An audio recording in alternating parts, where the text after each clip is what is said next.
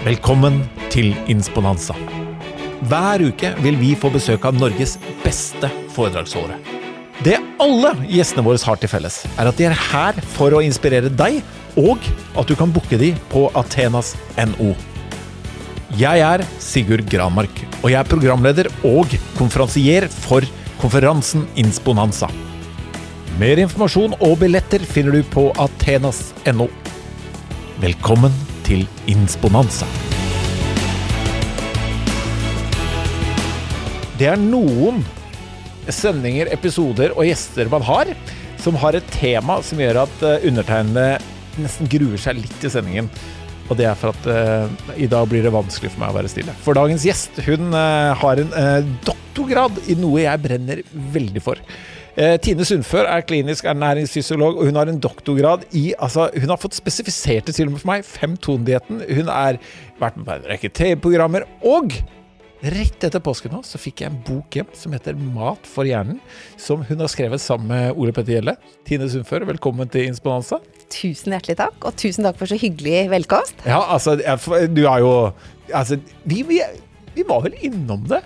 Du har vært liksom på radaren og blant eh, oss sikkert både gode og dårlig samvittighet siden det, Hva var det het, den, det TV-programmet for 100 år siden? Tjukkholmen, ja. ja. Det begynte på en måte der, ja. Mm. Tror du det er et TV-program hvor navnet hadde hatt schwung i 2021? Nei, men altså, jeg var jo livredd jeg når vi skulle ha det den gangen òg, for jeg trodde at Tjukkholmen gjorde Jeg trodde det var så ille. Og når jeg nå har eh, sett alle de gale overskriftene som finnes, så tenker jeg at det, det var ikke så fælt, kanskje. Men jeg, jeg tror kanskje ikke det hadde hatt så schwung i dag, nei. Kanskje ikke. Det er, altså, eh, man, eh, man kaller det Men du, du brenner for uh, ernæring. Du brenner for altså, kosthold, da. Og har en doktorgrad i det. Og um, hvis jeg skulle sagt uh, hva, Hvis vi begynner bare går rett på, hva er den fremste misforståelsen ved ernæring og kosthold? Og det tror jeg er det at folk ikke skjønner at sunnhet og nytelse kan kombineres. Åh. Det er et av mine mantra. Fordi altså, vet du hva? Vet du hva det første jeg lærte å si etter mamma og pappa var? Tro det eller ei, mat er godt.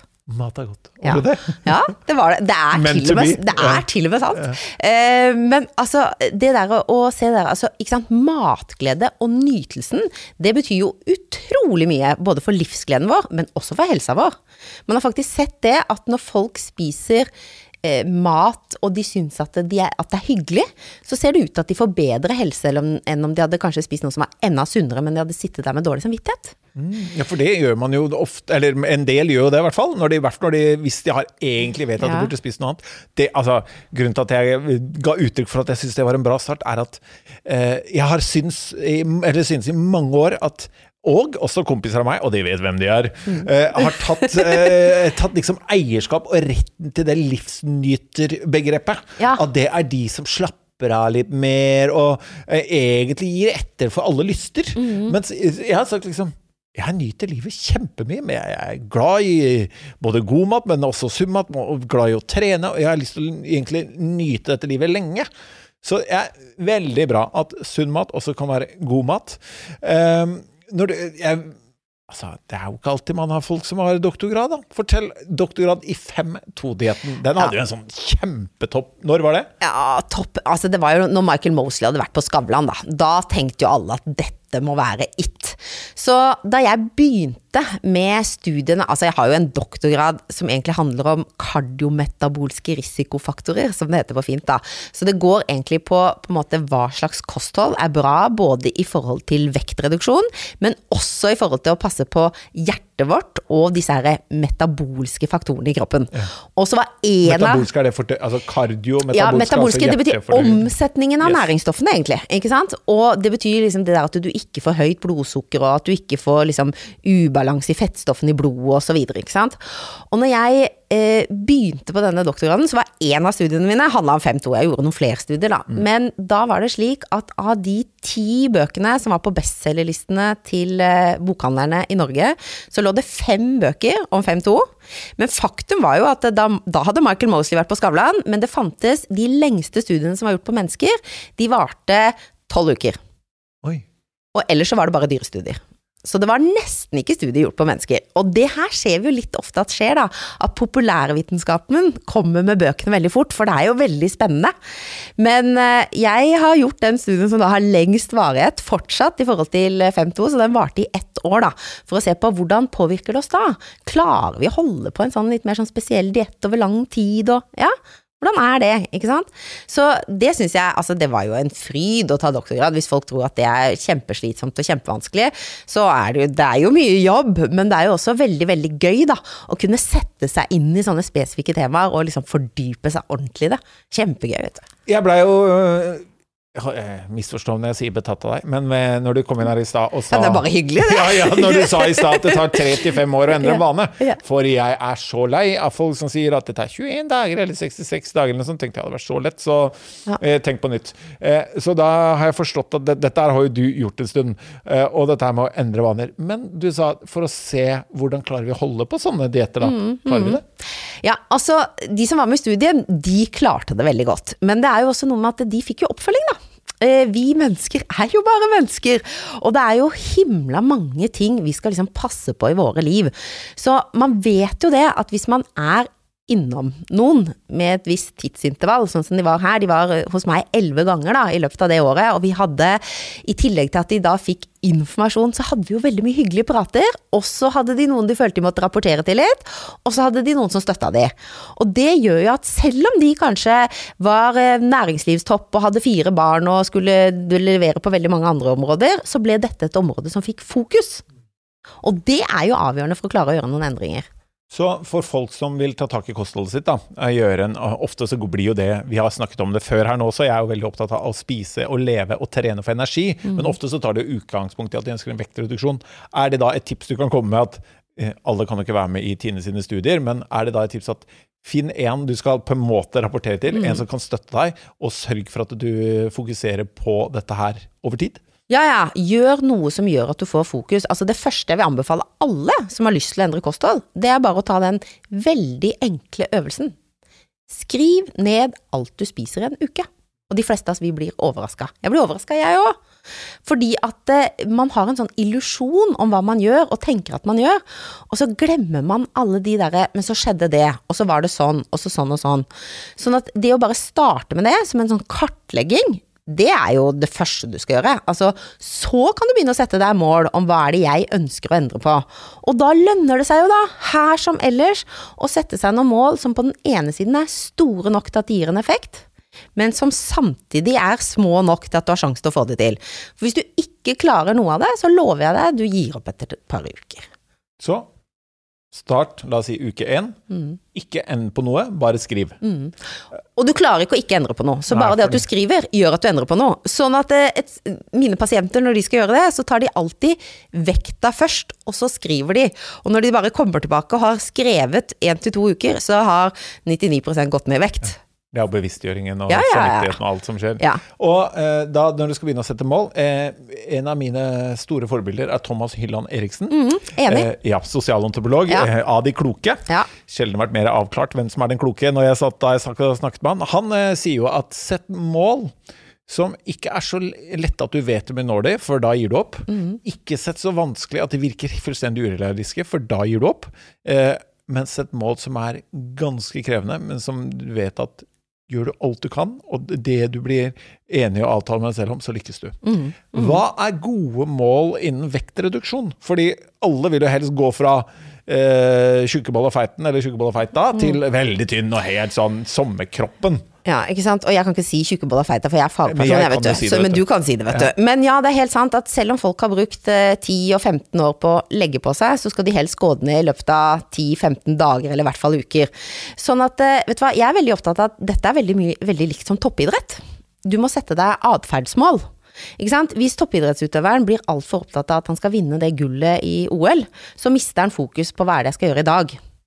Så du må sette deg en sånne helt konkrete mål om hva skal jeg gjøre i dag. Og hvis man har lyst til å starte med det aller enkleste, dette er garantert sunnere, garantert ned i vekt, og du har bare fokus på én ting. Hver eneste gang du spiser et hovedmåltid, så skal minst en tredjedel av den tallerkenen være frukt eller grønnsaker. Hver gang du forsyner deg. Mm.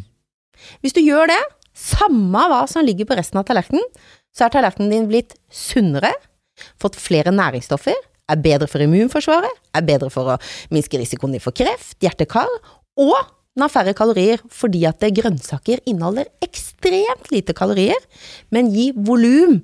Og det er med på å gjøre at det skilles ut noen metthetshormoner fra mage-tarm-kanalen, som så går opp til hypotalamus, opp i denne spennende hjernen vår, som så gir deg beskjed ned ja, du har fått mat.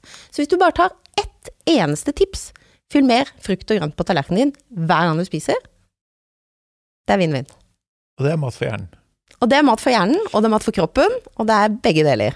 Ja, og jeg er veldig sånn eh, Jeg er jo ingen ekspert, derfor er jeg glad for at jeg har deg, men jeg har jo testet ut ekstremt mye.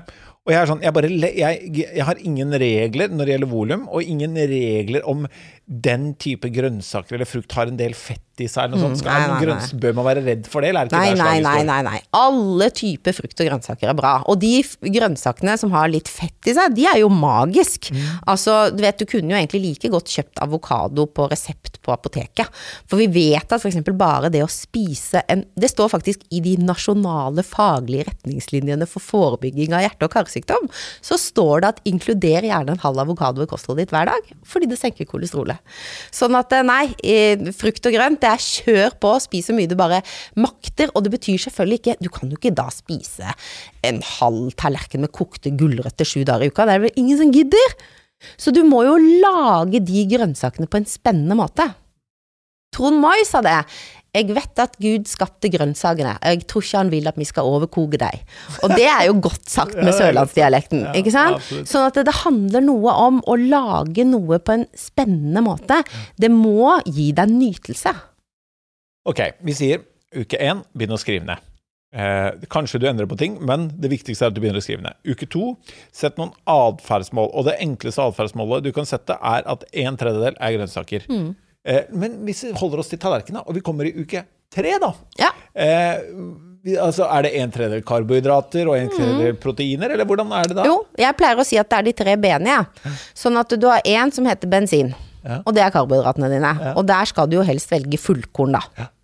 Ikke sant? Sånn at det, det er jo ikke det at du ikke skal spise brød. Når det er blitt sånn derre er karbohydrater bra eller ikke bra, så er det egentlig helt latterlig, fordi at det, hva slags karbohydrater er det vi snakker om? Så det er jo ikke det at du ikke skal spise brød, men du skal jo spise det grove brødet, da. Du skal gjerne velge fullkornsvarianten av eh, pastaen. Du skal gjerne velge eventuelt litt belgfrukter, kan også gå inn som den delen der, ikke sant. Så det er én tredjedel til bensin, én tredjedel til byggesteiner, og det er proteinene. Og det er kyllingfileten og egget og fiskefileten og de magre øh, meieriproduktene og ikke sant. Og så er det én B til beskyttelse, og det er frukt og grønt. Så da har du de tre B-ene, og så må du ha litt sunt fett. Og så enkelt er det egentlig å sette sammen tallerkenen sin. Og karbohydrater er jo det veldig ofte folk har eh, oversikt over. Og så har jeg egentlig eh, i mitt eget hode hatt en sånn veldig enkle regler at eh, proteiner det er alt som har hatt en mor, tenker jeg. Ja. Men så er det jo en del frukt og grønt også som, har, som er mye proteinrikt. Yes. Men det er liksom sånn enkelt. Men bare belgfrukter. Hva er det? Mm. Ja, det er fint at du spør, egentlig, for det snakker vi om hele tida. Og de fleste vet jo veldig mye om kosthold, men det er faktisk mange som spør meg om belgfrukter. Det er jo linser og bønner og erter. Og det som er så innmari bra med å spise litt mer av det også, det er jo at da kan vi tenke bærekraft og individuell helse samtidig. Og her tror jeg at veldig, veldig mye av nøkkelen ligger. Du vet at vi i Norge, vi var kjempegode til å redusere på palmeolje. Vi var et av de landene i verden som var aller best. Og hvorfor var vi så gode? Jeg tror at det var fordi at vi er som alle andre mennesker i denne verden, vi er egoistiske. Når alt kommer til alt, så tenker vi mest på oss sjøl. Vi hadde skjønt at palmeolje var ikke bra for min helse. I tillegg til det så var vi for all del opptatt av at man ikke skulle hugge ned regnskogen. Men når, vi, når de to tingene kunne slå sammen, da fikk vi et kjemperesultat. Og hvis folk også ser det at eh, Vet du hva, hvis jeg har lyst til å spare klima ved å bevege meg litt mer på sykkel eller med beina, og det betyr at det, å, det har den effekten for min helse, og det er kanskje det vi skal fokusere mest for. Og så er bare bivirkningen av det er at det er bra for klima og miljø. Da tror jeg det er mye lettere å få med seg folk. Sånn at, fordi alle mennesker er sånn at vi tenker mest på oss sjøl. Vi gjør det. Også alt vi gjør for andre, så er det fordi vi faktisk føler oss ganske bra fordi vi gjør noe ålreit mot andre. Men det er ikke noe gærent i det, så lenge det er positivt også i forhold til andre. Og positivt i forhold til miljø. Det er helt topp. Jeg er Helt enig, helt forbilledlig. Og, ja, og det merker jeg, helt avsporing. Men det er jo en del av disse på julaften også, at det er disse litt eh, kanskje noen av delene, men de blir nesten litt sur hvis barna ikke takker nok. Man Ja. gir jo mest for at det handler om deg selv. Du skal ha en god følelse, ikke sant. Det er jo den- samme som det, det handler om at den følelsen du får. Eh, ok, hvis vi sier at David, uke én skrive, uh, uke to ta inn en del Mhm. eh, som er til frukt og grønt, og så uke tre så legger vi på heltallerken. Eh, stemmer det at uh, eh, du må forbrenne rundt 7000 kalorier for å gå ned en kilo? Ja, du må sånn sett redusere på rundt 7000. Om det er fordi du bruker opp 7000 flere, eller fordi du får i deg 7000 mindre. Ofte er det jo enklest med en kombo, da. Ja. Derfor hvis du flytter på kroppen litt mer, og så sørger du for at det er litt mindre som kommer inn, så går du ned en kilo. Ja, det er Ja, helt for det er dit jeg ville i uke fire nå, Ja, da. ja. Eh, når vi skal begynne med Det, aktivitet. men er det jeg elsker da, Sigurd, på måten du spør, det er det at du har ennå ikke spurt meg om hva jeg ikke skal gjøre. Fordi det der snakkes det himla Ja, ja. mye om, om alt vi ikke skal gjøre. Og det er jo helt fascinerende. Jo mer vi snakker om at vi skal spise mindre sukker, jo mer opptatt blir vi av sukker, og mer lyst har vi på sukker. Så vi må jo snakke mye mer om alle de tingene vi skal gjøre. Det ligger jo hele den der psykologiske løftmetodikken. Snakk om det du skal gjøre, se hva er det du får til, og så gjør du enda mer av det. Og da blir det litt moro. Ja. Ja, altså jeg er jo, eh, som jeg må presisere, da, alltid ikke noen fagperson i det hele tatt, men lidenskapelig opptatt av temaet. Altså, men, jeg har ingenting jeg aldri spiser. Men du vet vel ganske mye også om det å gjøre endringer, da. Det Ja, å det endre en, atferd. Og det er jo noen sånne over. ting som jeg bare tenker når vi sier det der med vaner, ikke sant. Pussa du tenna i dag morges? Absolutt. Ja, pussa du i går kveld òg? Ja, pusser du hvis du rangler hjem fra fest? Det er lenge siden jeg har vært på fest nå, uff, altfor lenge siden. Men når du rangler hjem fra fest klokka tre om natta? Ja. Fordi noen har oppdratt oss til at vi skulle pusse de der tenna. Og jeg husker barna mine prøvde seg mange ganger. de, Kan jeg slippe bare i kveld? Nei, du må pusse tenna. Ikke sant?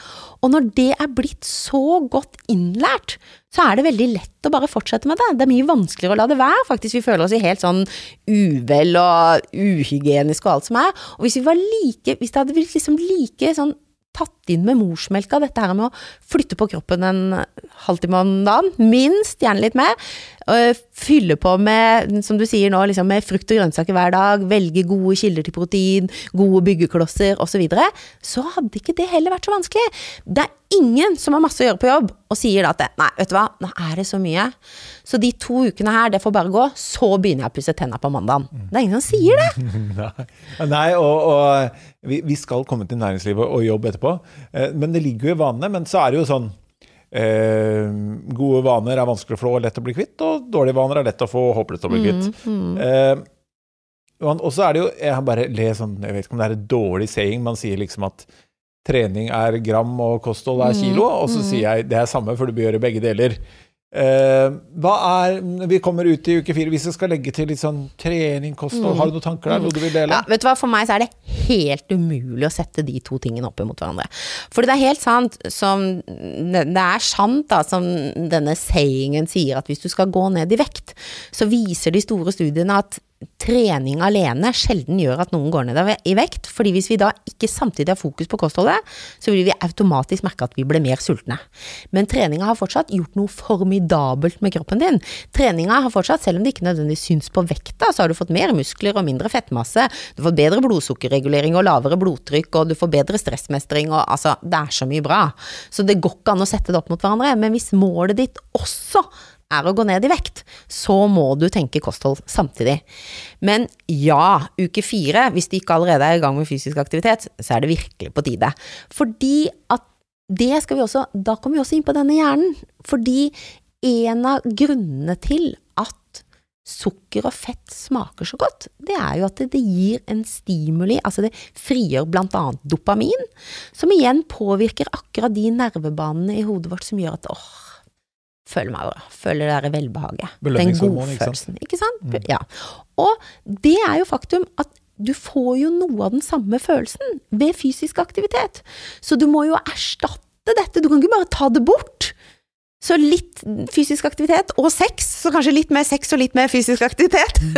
Så føler du på den derre Så kan du være med på å vedlikeholde den nytelsen, da. Uke fire kan bli bra. Uke fire blir den uka.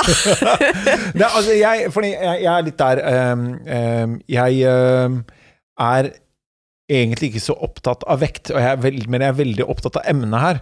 Ikke for at jeg, og Det er derfor jeg fleiper litt når jeg tør å si tjukkebolle og feita, sånn, for jeg er ikke noe opptatt av om du veier det eller det. Jeg er opptatt av at du må gjøre dette her for noe annen gevinst. Jeg skjønner at det er gøy å se det resultatet, men jeg har også sett nok studier. Jeg har sett studier hvor jeg har fulgt over tid og sett bilder av eh, leveren til folk som har fått eh, eh, diabetes 2-diagnoser, og ser hvilken enorm gevinst det gir. Når du har kommet til uke fire allerede, så begynner man jo å se inni deg effekten av det. Og det er jo det liksom eh, Det er liksom den Det er det sier- indre som teller, det er det du vil fram ja, til. ja, ja, det jeg prøver å si er er sånn som Når folk gjør valg, da, så sier jeg 'hvor god er du når ingen ser deg'? Det er det jeg prøver å si. Det er de valgene i livet du gjør når ingen ser deg, som påvirker livet ditt mest. Og jeg mener også at med kosthold og trening og livet ditt, og de valgene du gjør, da, de livsstilsvalgene dine, så er det de, også de tingene vi ikke ser, som faktisk du ønsker å påvirke mest. Hvis vi kommer til uke fire, da, hvor fort får vi en helsegevinst rent organ på organnivå? Kan Ja. du si noe om det? Ja, ja, ja. Altså, kolesterolet ditt endrer seg etter bare et par uker. Det går kjempefort. Begge veier. Hvorfor vil du påvirke kolesterol, kolesterolet Ja, det er fordi at vi vet at hvis du over tid har for høyt kolesterol, så er det det som kan føre til at det skjer en fortetning av årene dine, som så kan gi et hjerteinfarkt eller en hjerneinfarkt, altså et slag. Og, det kan, og vi vet at så er det kan sikkert folk si sånn Ja, men jeg har hørt masse sånne diskusjoner om kolesterol og Ja, men hvis du går inn og ser på de Nå blir jeg litt fagperson, da. De store studiene, så ser vi at det er ikke bra for helsa å gå rundt med for høyt kolesterol. Men vi må også skille mellom typen av kolesterol. Vi har sånn noe som er det gode kolesterolet, som vi kaller HDL-kolesterol, og noe vi kaller det dårlige kolesterolet, som vi kaller LDL-kolesterol. Og det er liksom særlig det å holde det lavt, da, som er viktig. Og da er det først og fremst type fett har noe å si. Men igjen da, så er det faktisk eh, frukt og grønnsaker har noe å si, for det er med på å gjøre at noe av dette kolesterolet skilles ut. Så det, på kolesterolet ser du forskjell på bare et par uker. Hva er kolesterol? Ja, Du har to forskjellige typer kolesterol, men rent sånn Ja. For kolesterol føler jeg også at Jeg har mine tanker om hva det er, da. Ja. Men eh, folk Det er sånn et av disse, som du sa, som man bare nevner, kaster ut. Og så, og så ja, jeg har høyt kolesterol, og så spør du ja, hva er det? Ja. Det veit jeg ikke, men det er høyt, og det er ikke bra. Nei, nei. Og det er en Jeg må forenkle litt. da, Det er en type fettstoff. Du kan si at fettet inni i fettvevet ditt, det ligger i noe som heter triglycerider. Tre fettsyrer festa til en glyseroldel. Du vet, nå er du langt inn på mitt favorittema, fordi at jeg sier det er så mange som tror at ernæring er magi. Men det ernæring er, det er jo kjemi. Ja, mens eh, disse lipoproteinene, som de egentlig heter, den derre low density lipoprotein, er egentlig LDL en forkortelse for. Og det er egentlig på en måte litt sånn pakker som frakter fett rundt i kroppen. For hvis, du, hvis jeg skal si det litt sånn enkelt, så kan du tenke deg at hvis du tar et glass med vann, og så heller du oppi litt saft, hva skjer? Safta blander seg med vannet. Tar du et glass vann, så heller du oppi litt olje, hva skjer? Olja ligger der som en klump. Sånn er det inni kroppen vår. Sånn at når det fettet blir tatt opp og inni, kommer inn i blodet vårt, så ligger det der egentlig som en klump. Sånn at kolesterolet det har en vannløselig del utover og en fettløselig del innover, og så kan du pakke sånne pakker, sånn at vi kan få frakta det rundt i kroppen. Sånn at fettet kan komme dit det skal brukes som energi. Og sånn sett, alle trenger kolesterol. Kolesterol er livsnødvendig. Problemet er bare at hvis det blir for mye av det, og dette blir liggende i blodbanen vår, så kan det begynne å trenge inn i det som heter intima, i det der innerste cellelaget inni årene. Og så kan det begynne å liksom vokse innover derfra. Ikke sant? Vi har jo sånne grusomme eksempler, som for eksempel Alexander Dale Oen. Han døde jo av et ja, svømmeren, ikke sant. Når han ble obdusert, så så man jo det at han, han døde jo av et hjerteinfarkt. Og hvordan kan det skje hos en så ung mann? Da er vi også inne på en annen viktig ting. Han hadde jo, viste det seg, noe som heter FH, familiær hyperkolesterolemi. Det er en genetisk defekt som gjør at leveren tar opp mindre av kolesterolet, sånn at det kan bli skilt ut, og det blir værende i blodet. Man hadde ikke skjønt det, fordi at han var så sabla sprek og spiste sunt og var så god form, at til å ha FH, så hadde han egentlig lavt kolesterol. Allikevel så har det vært litt for høyt gjennom hele livet. Når man obduserte han, så så man også at han har jo egentlig hatt noe hjerteinfarkt før også, noen veldig små. Eh, og det er et godt eksempel på, på at gener spiller en viktig rolle, og de er det ingen av oss som valgte sjøl. Ja. Og så spiller livsstil en rolle. Men derfor så syns jeg også det er så viktig når vi sitter og snakker om dette, at ingen skal sitte her og føle på skyldfølelse. For vet du hva? Vi har faktisk ikke det samme utgangspunktet. Noen får lettere høyt kolesterol. Noen får lettere høyt blodtrykk. Noen legger lettere på seg noen kilo. Men alle sammen kan vi gjøre masse for helsa vår. Jeg har en kollega av meg som sier dette på en veldig fin eh, måte. Mikael Torp, han er lege og fysikalsmedisiner, og han sier du kan gjøre masse. Du kan gjøre M-en, du kan gjøre noe med mat. A-en, du kan gjøre noe med aktivitet. S-en, du kan gjøre noe med søvn. Andre S-en, du kan gjøre noe med stressmestring. Og E-en, du kan gjøre noe med emosjonene dine. Mm, masse. Den er veldig fin! Mm, veldig bra. Den kan alle ta til seg og se på som en mulighet. Ikke se på som en kilde til dårlig samvittighet, men en mulighet. Og de genene du har fått utdelt, de har du fått. Men så kan vi gjøre det beste ut av det. Ja, og du har fått 50% av mor og 50% av far. Ja, Og eh, bare før vi går til gener eh, Og når de, de, prater om hvordan dette her henger sammen, eh, hvordan kolesterolet flaktes, hvordan eh, alle de, disse bindingene, eh, så er det jo morsomt når du er i aktivitet. Så eh, er det jo mange da som tror at eh, vi svetter. Eh, prater man gjerne. Jeg svetta masse. Mm. Det, det svette kan jo gå i badstuen. Hvor blir dette av? Når, hvor blir fettet av ja når hva, dette det, løses opp? det der er en veldig fint spørsmål. Fordi da er vi jo langt inne i fysikken, ikke sant? Da er vi, nå er vi inne i dette her at energi kan aldri skapes, og det kan aldri bli borte. Sånn at hvor er i det hele tatt disse altså det, det, det spørsmålet jeg spurte datteren min om for ikke så lenge siden, jeg synes det var veldig godt. Fordi for det første, hvor er denne energien? Hvor, hvor er den energien i maten? Jo, den sitter i bindingene mellom atomene. Og så brytes de ned, og da frigjøres den energien. Og så omformes jo den til å utgjøre, utføre et arbeid, altså flytte en masse fra et sted til et annet, f.eks. Så derfor, hvis du har flytta meg en mil, om jeg har gått eller løpt den mila, så jeg bruker ganske like mange kalorier, men det tar dobbelt så lang tid å gå den som å løpe den. Og så er veldig mye av dette her blitt avgitt da som varme. Og svetten, det er jo bare en måte å avgi varme på, Ja, ikke for, sant? Egentlig for å holde deg kjølig. For å holde deg kjølig nok, ja. Sånn at hvis du er veldig dehydrert, så vil du etter hvert faktisk svette mindre, og da begynner jo kroppstemperaturen din å stige utover og opp mot det som kan være farlig. Vi har jo toppidrettsutøvere som man har tatt i mål etter en tøff konkurranse som har temperatur på over 40, og da begynner vi å nærme oss farlig. Ja, og Paradokset er jo at kroppen vil jo bare bli en sånn forbrenningsmaskin, for den må jo, Ja. det koster mer å gjøre det. Ja, ja, ja. Men når vi da forbrenner, hvor blir, hvor blir det av? Ja, det går det går i stor grad over i varme, da. Ja, men det er, det, det er pust, ikke sant? Ut av munn og nese Ja, munn og nese, og, og svette. Ja, ja. Og det, det, det er også, tror jeg, også da en sånn litt misforstått greie mange Ja, har. ja, ja. Og, um, Og mange ser også, når de kommer tilbake til den treningsøkta, så går de, det er noen som går på vekta før treningsøkta etterpå, så sier jeg gikk ned 1,5 kilo, jeg. Det går ikke an å gå ned 1,5 kilo på en treningsøkt. Å, du har drukket altfor lite, da, tenker jeg. Fordi det er det du har gjort da, du har tapt masse, masse, masse vann. Ja.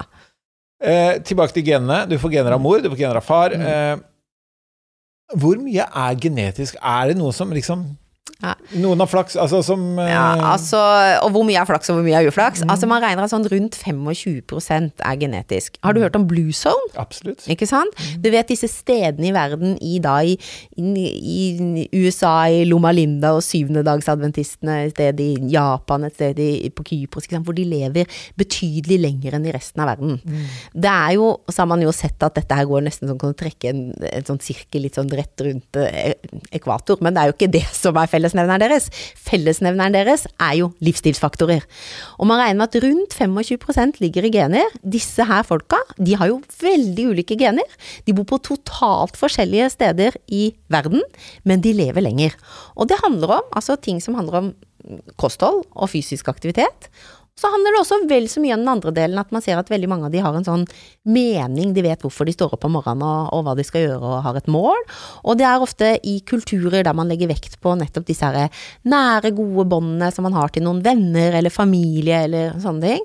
Sånn at det, og også søvn er faktisk en av de tingene de ser går igjen.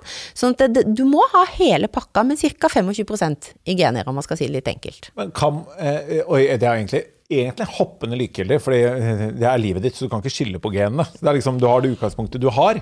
Men er det eh, i, eh, men Noen sier jo at eh, vi er alle så forskjellige, og noen typer liksom sier at ta en blodprøve for å analysere Ja, blodet ditt for å vite hva du skal spise. Vi er jo så like. Ja, Når Når du ser på totalen av genomet vårt, Ja. så er vi jo så, så like at da, da, da ser det ikke ut som 25% engang. Da er vi jo utrolig like. Vi er så kjedelig like at det går ikke an. Det som kanskje varierer mest, er faktisk tarmfloraen vår, liksom. Det er alle de der millionene av bakterier vi har i tarmen. Du vet, hvis du sitter, sitter og føler deg aleine, så kan du bare vite at du er ikke ensom, for du har noen millioner bakterier i tarmen. Og de er jo veldig, veldig spennende sånn i forskningssammenheng, da. Nå, fordi dette her har vi liksom skjønt at de bakteriene i tarmen betyr mer for helsa vår enn vi har ant. Men vi vet fortsatt ikke hva som er optimalt. Folk kan gjerne fermentere litt hjemme på kjøkkenet fordi de syns det er gøy og spennende, men vi vet ikke hva som er optimalt. Vi vet, eh, ja, så det er mye vi ikke vet også, i forhold til dette med helse. Ja, og eh, vi, jeg, vil gå litt eh, tilbake til det konkrete. For det er egentlig, nå har vi tatt de første fire ukene, Ja. og vi ble enige om at uke fire kunne bli gøy. Ja, Vi har ikke skyld på genene dine. Du, vi har de genene vi har. Du har et godt utgangspunkt. Vi er ganske like, eh, til syvende og sist. Eh, vi har lært dette her med faktisk hva eh, kolesterol er. Mm. Og vi har fått også skilt på at det går an å spise karbohydrater. Det går helt fint. Spis fullkorn. Ja. Vi har sagt dette er med tallerken. Også, men da vil jeg inn på dette Og, her. men kan jeg bare ta kolesterol? Du sa hva annet skjer i kroppen, Ja. ikke sant? I løpet av bare de fire ukene. Ja. Du kan begynne å si at blodsukkerreguleringa er bedre. Ja, og hva er blodsukker? Hva, Og hva er, hva er det? blodsukker? Ikke sant? Ja, fordi det sier folk også sånn Å, å, å nei, jeg har så lavt blodsukker. Mm. Men blodsukkeret vårt, det betyr jo egentlig den mengden av glukose, da, eller sukker, som er i blodet vårt. For det er sånn at det, når vi har spist, så kommer det jo veldig masse sukker inn i blodet, fordi karbohydratene blir jo gjort om til sukker. Alle karbohydrater blir det. Men hvis du har spist grove karbohydrater, så kommer de med mye fiber, og da kommer de langsommere inn i blodet. Mens hvis du har spist rent sukker, så kommer de kjapt inn i blodet.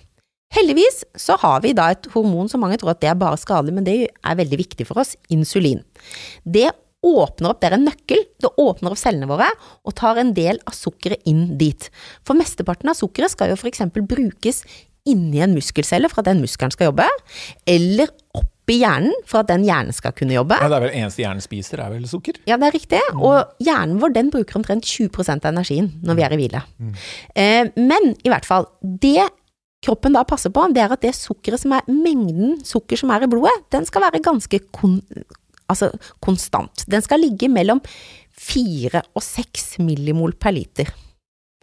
Rett rundt 5 føler vi oss gjerne på topp. Og det som er da med på å regulere den, det er jo det å ha, få et fornuftig kosthold, sånn at du får en langsom blodsukkerstigning, sånn at du ikke får veldig masse insulin, og den kroppen overreagerer litt og skiller, tar for mye sukker inn i cellene, men at dette går i en sånn jevn, fin fase. Når du også er i fysisk aktivitet, så får du også bedre blodsukkerregulering. Men dette er ganske gøy, vet du, fordi jeg er av de som sier ting som er bare tull og tøys, altså. Altså jeg sier sånn derre Nå er jeg så sulten og har lavt blodsukker, jeg er helt skjelven. Hvis man ikke har diabetes sånn at man må sette insulin, så får man ikke blodsukker som er under fire. For du sa det med glukose. Er diabetes 2 er opp, egentlig opphopning av glukose, Ja. ikke? Diabetes type 2 betyr egentlig at det insulinet virker dårligere. Mm, Og derfor så får de ikke putta sukkeret så effektivt inn i cellen, så blir det for mye ute i blodbanen. Og når det blir for mye sukker der sånn, så kan det påvirke karren, altså årene våre, sånn at de på en måte blir stivere og mindre robuste, og så kan man lettere få, få både hjertesykdom og skader i årene i øye og i nyrer og så videre. Sånn at eh, Men for oss andre, da, så sier vi sånn at jeg er så sulten, jeg kan ikke tenke å Men vi har egentlig, hvis du tar en, en test av blodsukkeret ditt, så bare Å ja, 4,6, ja. Det er ganske så jevnt, stort sett hvis du ikke har sulta over veldig, veldig lang tid. Og så sier vi, ikke sant, så hiver vi inn på et måltid, og så sier vi åh, det var godt, nå kan jeg tenke igjen. Men blodsukkeret ditt øker ikke før omtrent en time etter et sammensatt måltid. Men det er det at hjernen vår, den har lært seg at når du får spist litt av dette, ja, så kan du slappe av. Belønningen kommer igjen. ikke sant? Sånn at du veit at nå ordner det seg, så da klarer du å begynne å tenke klart igjen. Det er sånn som når du er kjempetørst. Ja. Ta én slurk vann. Å, det var godt, nå er jeg ikke så tørst mer. Men Ja. ja, fysisk har du ikke kjent noe. Nei, ikke sant. Men så er du litt sånn da Det tenker jeg også litt sånn Det derre til denne, nå, nå avbrøt jeg deg i den tankerekka, men det skjer noe med blodsukkeret, det skjer noe med blodtrykket, det skjer noe med kolesterolet. Det skjer allerede i løpet av noen uker. Så du får fort forskjeller på det som skjer inni kroppen. Jeg er så glad for at du avbrøt meg på det, for det er så viktig. Og når du ser bildene av det, så blir man Jeg ønsker flere gikk bare rett og slett på YouTube og søkte på sånne type eh, illustrasjoner. For da, ser, da blir man ekstremt motivert på å ta grep når du ser hva som faktisk bare kan skje før du ser kanskje vekteffekten og den synlige effekten. Eh, hvis vi ser eh, videre, da. Eh, jeg eh, praktiserer jo som eh, du, det hadde fått med deg når du kom inn her. Hadde dette! Ja, jeg kjører jo en Jeg er ikke sånn om det er, Jeg sitter ikke og ser på klokka. Om det er 14,5 eller 15,5 timer, 15-16 timer i døgnet hvor jeg ikke spiser. Hvor jeg stort sett eh, Eller jeg passer på at jeg er hydrert, jeg drikker mye vann og alt med sånn. Og så spiser jeg, hopper jeg over frokosten, og så spiser jeg som regel åtte av ti ganger en gigantisk salat eh, til, eh, til lunsj. Og så Da ble jeg jo kjempemett, og det er masse Jeg har gått med god pukt fukt oppi der, altså. Det er Mhm. dressing ja, og det er alt mulig rart. Og så spiser jeg um, til middag. Da spiser jeg det familien har til middag. Ja. Prøver å, å gjøre det sunneste av den eh, måltidet jeg kan, men det er det det er. Spis meg mett. Eh, og til kvelds eh, ofte noe eh, Enten noe eh, knekkebrød og greier, og gjerne noe kjip form for noe skyr eller noe yoghurt med noen nøtter eller et eller annet sånt. Jeg synes det er superenkelt, fungerer helt fint. Eh, sånn der drive og stoppe Jeg tror periodisert fasting Jeg tror det kommer til å Vi burde skrevet en bok om det sammen, for det kommer til å skille Mhm. over Norge. Mhm. Altså, Ja, I løpet av tolv måneder så skal alle teste det. Ja. Men jeg gjør det. Men jeg vet ikke om det er det rette. Men jeg gjør det fordi det gir meg ekstremt energi, og jeg syns det er superenkelt. Og jeg liker de tingene jeg gjør av aktivitet, liker jeg å gjøre på to mager, for jeg trener på morgenen. Hva tenker du om sånn start og stopp-dietter? Ja. Ikke dietter, da, men Ja, nei, altså grunnen til at det, du vet grunnen til at det heter dietter når vi kom, snakker om dette, det er fordi det er oversatt fra engelsk. Ja. Diet, og diet på engelsk betyr kosthold, det. Så Mediterranean diet er middelhavskosthold. Sånn at det, det er derfor den Har ikke tenkt på det før nå. Nei, det er derfor den forvirringen kommer. Men eh, vet du hva? At det, eh, først, for de som det her sånn, så er, er vi litt på det der at det litt kjedelig svar, men at det er litt individuelle forskjeller. Det er mest dyrestudier som er gjort på dette med intermittent fasting eller time restricted eating og kjært barn, mange navn.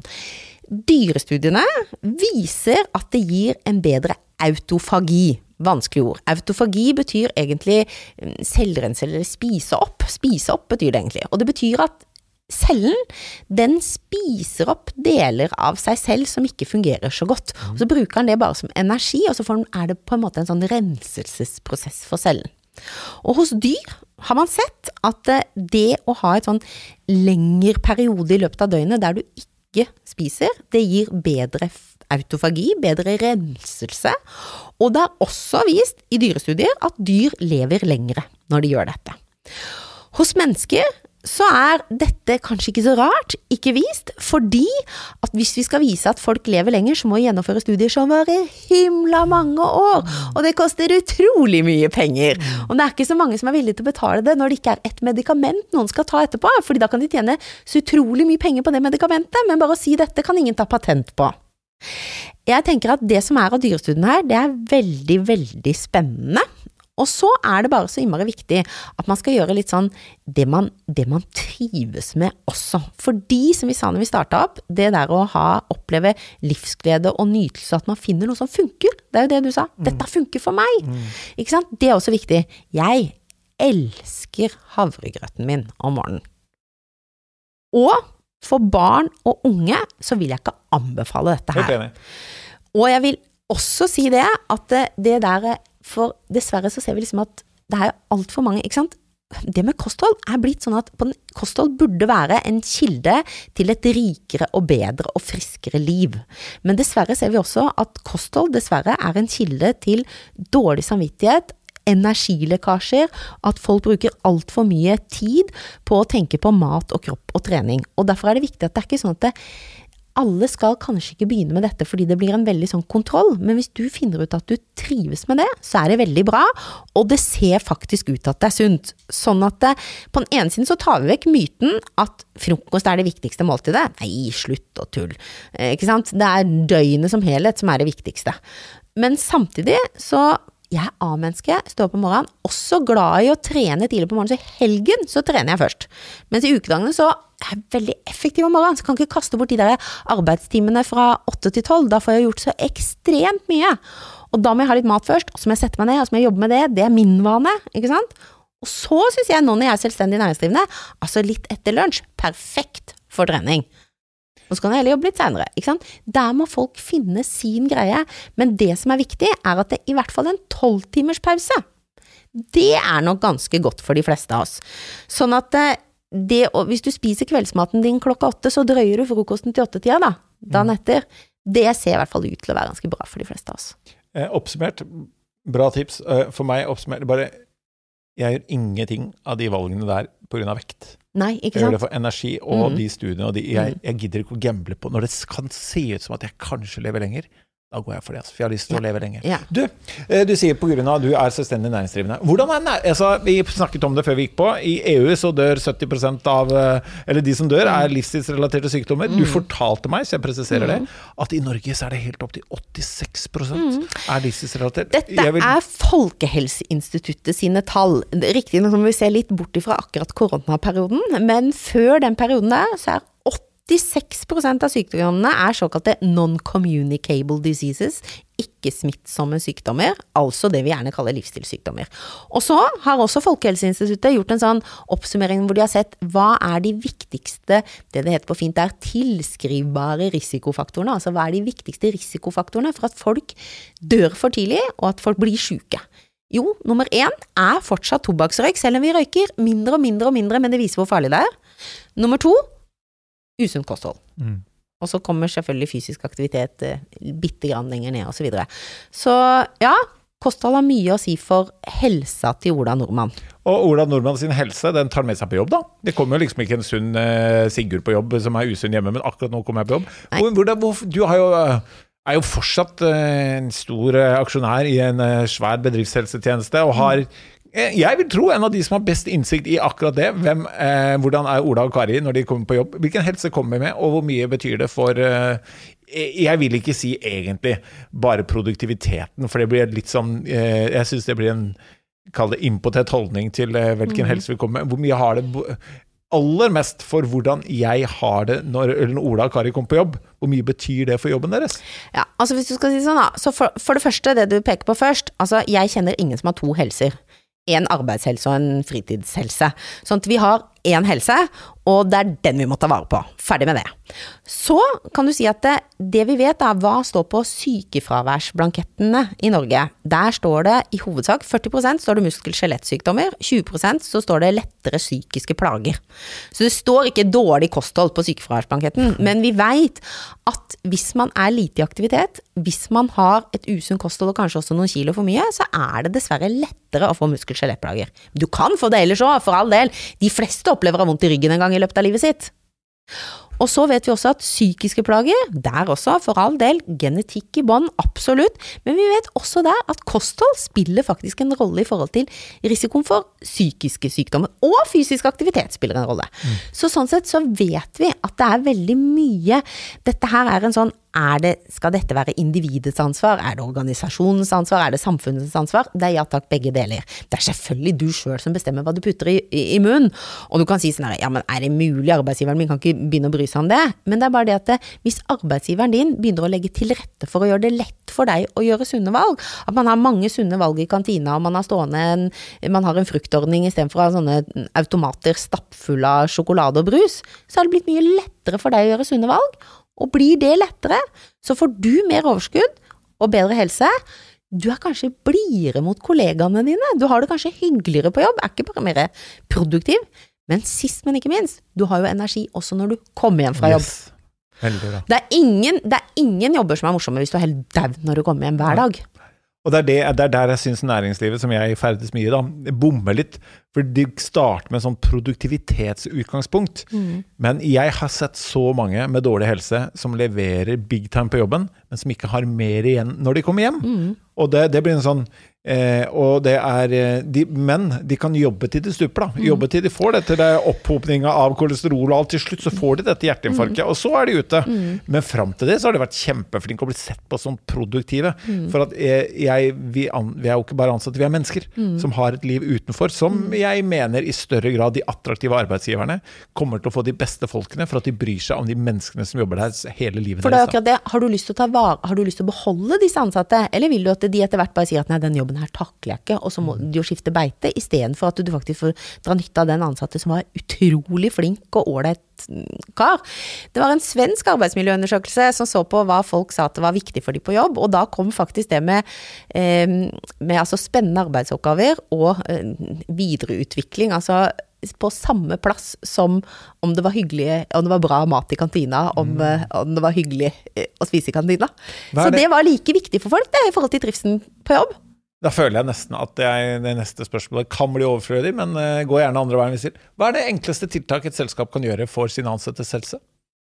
Ja, altså eh, Eller raskeste kjapp Hvis du sier ja. at den derre uke én eh, ja. Fyll halv en tredjedel av tallerkenen ja. med grønnsaker. Hva er det for næringslivet? Ja, da tenker jeg litt sånn Altså, start gjerne med å tilby de ansatte bra mat på jobb. Mm. Og sørg for at det finnes vannautomater eh, rundt omkring. Da har du jo kommet veldig langt. Og så setter du opp noen sånne skilt som sier helsetrapp og sykeheis. Sånn at, eh, at, folk bare får gjort de der helt vanlige hverdagsaktivitetene. Det er, ingen som, det er ingen som blir i superform av det. Det er ingen som går ned i vekt av det. Men det er veldig veldig mange som får litt sirkulasjon i kroppen. Sånn at det, bare det minsker risikoen din for både hjerte-karsykdommer og for muskel- og skjelettplager. Og du får jo mye bedre konsentrasjon. Du nevnte dette med vann og sette ut vann. Det første jeg gjør hver morgen, det er å gå rett ned på kjøkkenet, eh, og så drikker jeg jeg tror det blir fort 0,7 liter, et sånt gigantisk glass jeg har med vann for å bli hydrert. Hvor viktig er vann? Det er særlig viktig for deg, da, for du har jo ikke tenkt å spise frokost. Fordi at det er jo, det er jo viktig Altså, jeg har pasienter jeg, som har vært på utredning hit og dit fordi de har så vondt i huet. Og så er de egentlig hos meg for noe annet, og så gjør jeg kostholdsregistrering, så sier jeg men du har glemt å registrere drikken din. Nei, jeg registrerer drikken, jeg.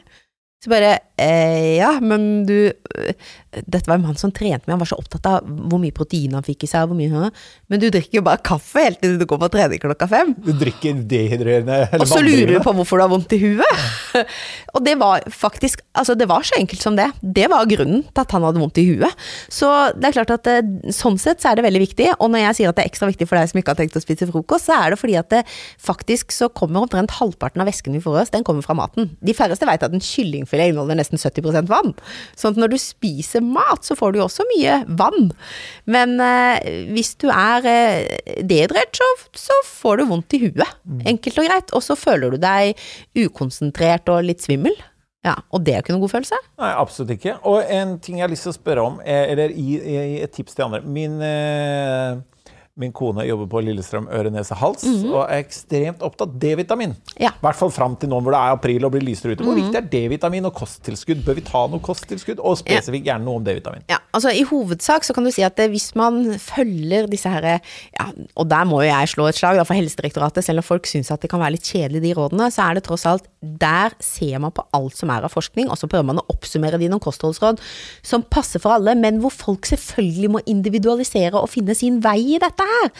Men der er det noe med at hvis du følger de, og får i deg fem om dagen, og velger grove kornprodukter, og spiser fisk to-tre ganger i uka, litt sånt noe, så trenger du Så er hovedsaken at eh, kosttilskudd, det er penger rett i dass. Og vi bruker fire milliarder kroner i Norge på kosttilskudd. Tenk så mye moro vi kunne brukt det på.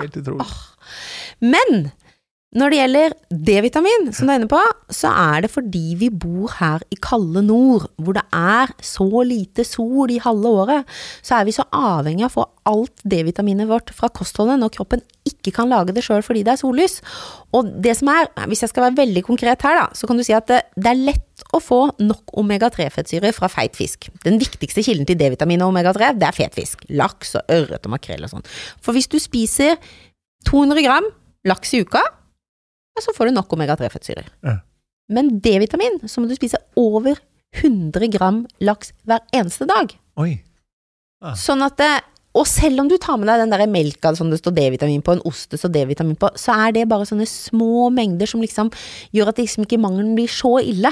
Men det er umulig nesten fra kostholdet hvis du ikke er helt sånn fiskeelsker. Jeg har noen som spiser har den der vanen med makrell i tomat hver eneste dag. Stor boks makrell i tomat på et par knekkebrød.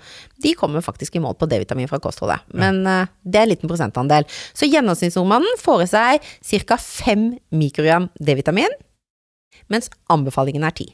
Ja, så der må vi ta D-vitamin i et kosttilskudd. Mm. Og det er, sånn, nest, er det sånn alle måneder som slutter på R? Kan det være et tips? Ja, det er eh, jo det beste tipset. Ja. Ja, Og så gjør det ingen verdens ting om du fortsetter i, i mai og i juni også, fordi det er ikke noe farlig, du får ikke for mye av å ta ett kosttilskudd med D-vitamin. Men ellers så er alt i kosthold, det er den her mengden. Du snakka om vann er viktig, ja, men hvis du drikker 20 liter vann, så dør du. Ja.